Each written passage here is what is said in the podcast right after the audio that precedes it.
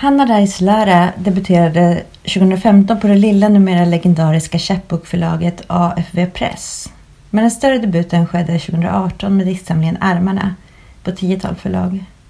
Nu håller jag hennes sköra lilla baby i min hand. Den har getts ut av Anti förlag och trycktes i 250 exemplar. Lämpligt med skyddande bakplåtspapper, tänker jag, där jag står i köket. I ryggen har de 30-talet sidorna sytts ihop med blodröd bomullstråd. Jag börjar läsa och blir genast fångad av det kaxiga tilltalet i kombination med längtan efter vila. Citat. Baby, du skammar änglarna. Det är inte speciellt bibliskt för jag följer ingen bibel och jag längtar ingen himmel när jag har dig. Slutcitat. Jag grips av kontrasten mellan talspråket riktat till ett åtrått objekt och de religiösa anspelningarna. Den slagkraftighet som finns i Gamla testamentets Saltaren ekar här med samma oregelbundenhet i rytmen som djärvhet i bildspråket. Omkvädet Baby du skammar änglarna inleder varje ny dikt och var och en byggs sedan upp av parallellismer eller tankerim som ett kännetecknande drag i hebreisk poesi. Det är utomordentligt väl genomfört här i Baby. En liknelse i en versrad varierar subtilt. Bilden tas om och stegras eller förändras lite för att landa i en slutsats som är öppen och prövande. Citat. Baby, du skammar änglarna. Bat Elohim är du. Santa Barbara är du. Historikerna tvistar om du finns ens. Slutcitat. Mot slutet av de här moderna bönerna som jag tycker att Baby utgör behövs väntan på Messias och på den älskade samman genom att en dörr bokstavligen lämnas på glänt. Citat. Någonstans inifrån ska du komma, men vi låter dörren till uteplatsen vara öppen. När du kommer blir det grymt men storslaget. Baby, du är kingen. Slutcitat. Det känns trösterikt att det ensamma subjektet vars trånad jag bävande fått följa nu ingår i ett vi. Den andra mikroutgivningen jag har fått att recensera heter Vad angår meningar är jag förtvivlad och har Sia Rinne som upphovsperson. Här utgörs texten av ett regenererande av Gertrude Steins essäer Sentences och Sentences of Paragraphs som ingår i boken How to Write. Sia Rinnes lek med Gertrude Steins meningar gavs ut på engelska 2019.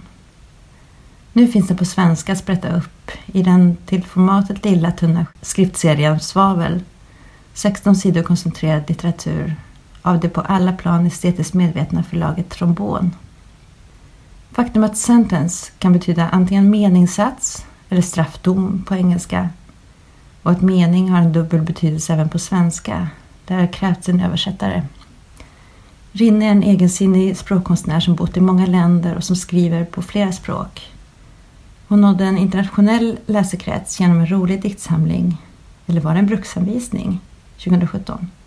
L'usage du mot, ungefär ordets användning, och har mottagit det prestigefyllda Prix littéraire Bernard Heitschik, Centre Pompidou. Paris moderna konstmuseums pris borgar för text som vänder sig till fler sinnen än synen. Även känslan och hörseln aktiveras i kontakt med hennes ordkonst. Här i John Svedemarks tolkning har med andra ord Serines text Vad angår meningar är förtvivlad blivit nya konststycken. Citat. Vad är mening? Fråga aldrig någon vad mening är eller har varit. Efter ett litet tag, vad är mening? Och sedan, vad är en sats? Vad är en sats och framför allt, vad är mening? Vad är en sats nu? Vad är mening? Inte lika mycket nu. Och en sats inte nu? Alltså inte en mening nu. En mening är inte vad de vet. Vi ska nu ta reda på vad meningar är. Slutcitat. Det är en skojigt ljudande och snygg dissekering av betydelser.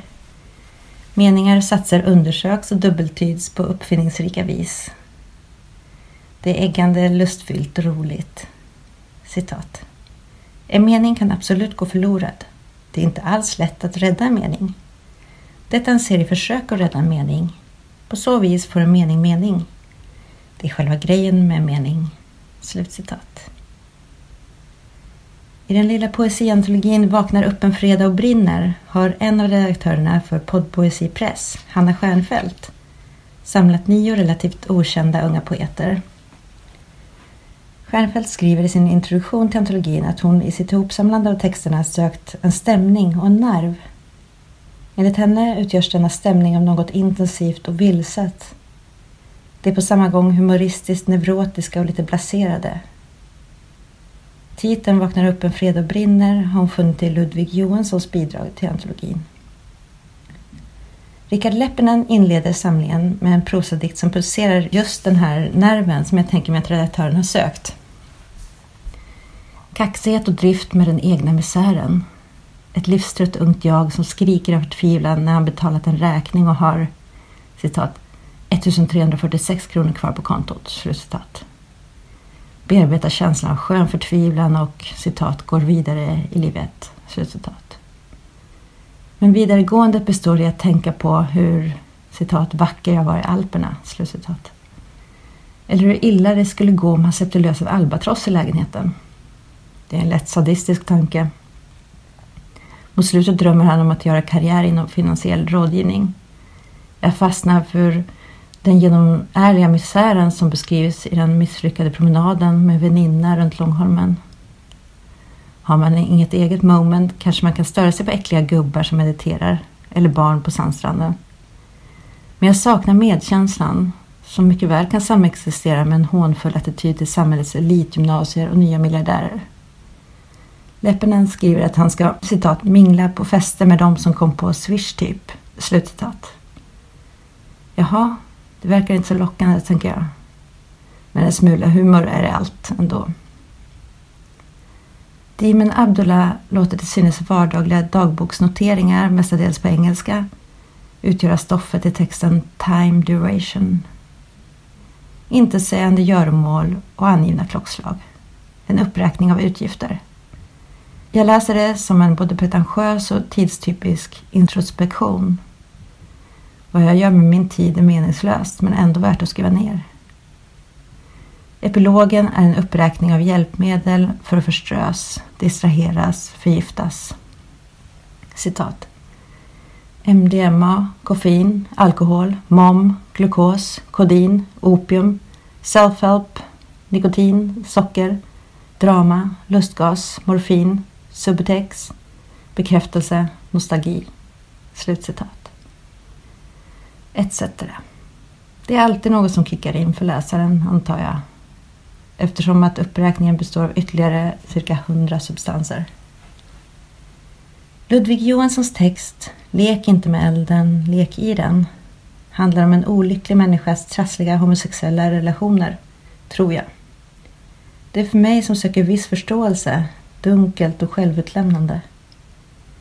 Dessutom har jag svårt att se poängen med radernas skiftande marginaler och de varierande mellanrummen mellan vissa ord. Antar att de ska läsas med olika korta och långa pauser. Jag gör ett försök. Citat. Jagets upplösning som en trio i ett vattenglas. Vad hjälper det att träna om man är jagsvag? Beachkroppen är ett djur som ska dö. Jag är en porrbot och ni älskar mig för den jag är. Slutcitat. Hanna Reislära återkommer här med tre texter som formgivits som poesi. Till skillnad från dikterna i Baby känns dessa mer som prosatexter med okonventionella radbrytningar. Så här slutar i Istrien. Citat. Jag har broschen på mig när jag gifter mig och mormor. Gråter när hon ser den. Några få gånger har jag sett henne gråta av lycka. Första fotot på de två är från nyår på Judiska ungdomsklubben i Belgrad 1957 och de där leendena. I de där leendena syns inte kriget alls. Slutcitat. Det är gripande motiv som gärna hade fått fördjupas. Reislaras sista rader i Tsunami 2 kan nog sägas utgöra ett credo för hela antologin. Citat. Shit vad jag insåg någonting om mig själv medan jag skrev den här dikten. Slutcitat. Den fria versen syftar alltså främst till att lära känna sig själv här. Generellt kan poesi i sina bästa exempel göra det lite lättare att leva. Här får jag nöja mig med att glädjas åt hennes insikt eftersom jag själv inte får någon. Ali Dervish korta bidrag har varken berörande form eller innehåll. Det är rent obegripligt varför Trump, Bob Dylan och Steve Jobs namndroppas. Absurditeter kräver relaterbara bilder och formmedvetenhet för att slå an något hos åhöraren eller läsaren. Men så läser jag Dervish eh, rader igen en annan dag. Kanske är jag på lite bättre humör. Och då plötsligt inser jag att det nog var jag som hade på mig mina gamla Viktigpetter-glasögon. Nu tolkar jag vissa stycken som memes på Reddit eller Youtube fast i text. Exempel, citat. Nektarinsolens tyranni, viskar Bob Dylan ondskefullt. Jag tittar på honom och ler. Han är full igen och jag funderar på hur vi ska ta oss hem. Slutcitat. Det är ganska roligt, fortfarande helt obegripligt. Mest ofattbart är nog Giovanna Olmos korta bidrag Vill se led. Det är inte motiven här, kläder i olika färger på kroppen, som är oansenliga. Men orden som satts ihop till fullständiga meningar med korrekt interpunktion säger mig tyvärr inte så mycket. Jag gissar att det humoristiskt absurda som är poängen här, även hos Olmos. Citat. Skor, vitt läder, blyertspenna ingraverad. Som om någon försökt sudda ut något med en blyertspenna istället för sudd. Om man fyllde skorna, vita stövlar, med vatten skulle det läcka ut ur blyertsgraveringen. Någon rev i lakanen på natten. Slutcitat. Lightly med litet L är Henry Songs bidrag. Det är på engelska.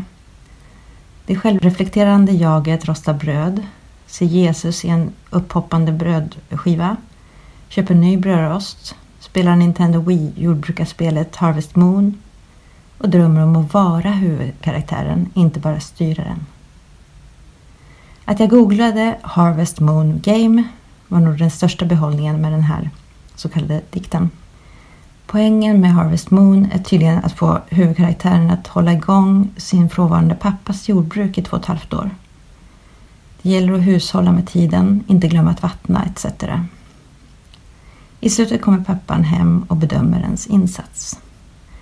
Christopher de Greres text Messanin 1 kan ha skapats av en maskin som slumpmässigt tryckt fram ord. Är det samtidigt som är så alienerande att maskinen människan inte kan kommunicera en känsla eller ett budskap, funderar jag. Här följer det mest begripliga stycket som står ensam på en vit sida. Citat. Gesten av någons affektion som möter en avlägsen millenniummiljö Arised out of inventory från Öresundsbrons opacitet på det sättet som den hade varit om den hade byggts med hjälp av Kockumskranen. Slutcitat.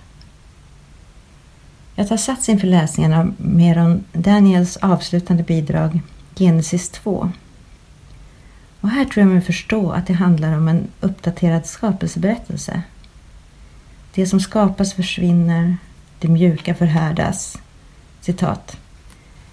En gång tyckte jag mig i dina ögon skymta drömmarnas dal. När du blinkade var den borta. En annan gång såg jag stjärnor i din iris. De bokstaverade något, men jag förstod inte. Sprickorna är fyllda med stål. Slutcitat. Det här är en antologi med flera självreflekterande, troligtvis samhällskritiska unga poeter. Mycket lite värme eller omsorg om den andra sipprar ut. Medmänniskor förekommer i begränsad utsträckning. Kanske befinner sig den missförstådda poeten så långt från det trygga välfärdssamhället att hens förstånd och empati har satts ur spel. Och det är förstås illa och allvarligt. Samhällskritik som ett rop på hjälp. Endast det introspektiva jaget får plats. Inte ens en förtvivlad albatross finns det kraft eller tid eller ork att känna medlidande med. Den är bara en äcklig fågel. Så långt befinner vi oss alltså från upplysning, Coleridge och Baudelaires romantik eller framstegsoptimismen därefter. Det är nog faktiskt ganska hopplöst när inte ens poesin kan erbjuda lättnad eller tröst. Som helhet utgör antologin Vaknar upp en fredag och brinner ett apokalyptiskt tidsdokument av Sverige 2020.